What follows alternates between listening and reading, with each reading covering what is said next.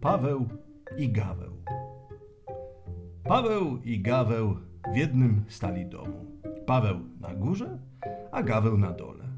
Paweł spokojny, nie wadził nikomu. Gaweł najdziksze wymyślał swawole.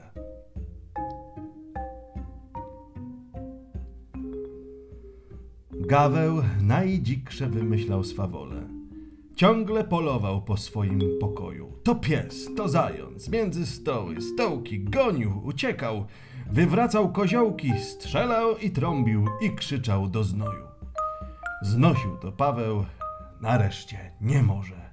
Schodzi do gawła i prosi w pokorze: Zmiłuj się, wać pan, poluj ciszej nieco, bo mi na górze szyby z okien lecą. A na to gaweł: Wolność domku w swoim domku. Cóż było mówić? Paweł ani pisnął. Wrócił do siebie i czapkę nacisnął. Nazajutrz gaweł jeszcze smacznie chrapie, a tu z powały coś mu na nos kapie. Zerwał się z łóżka i pędzi na górę. Stuk puk, zamknięto. Spogląda przez dziurę i widzi. Cóż tam? Cały pokój w wodzie, a Paweł z wędką siedzi na komodzie. Co wać pan robisz?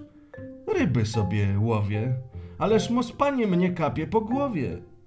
A Paweł na to, wolność Tomku w swoim domku.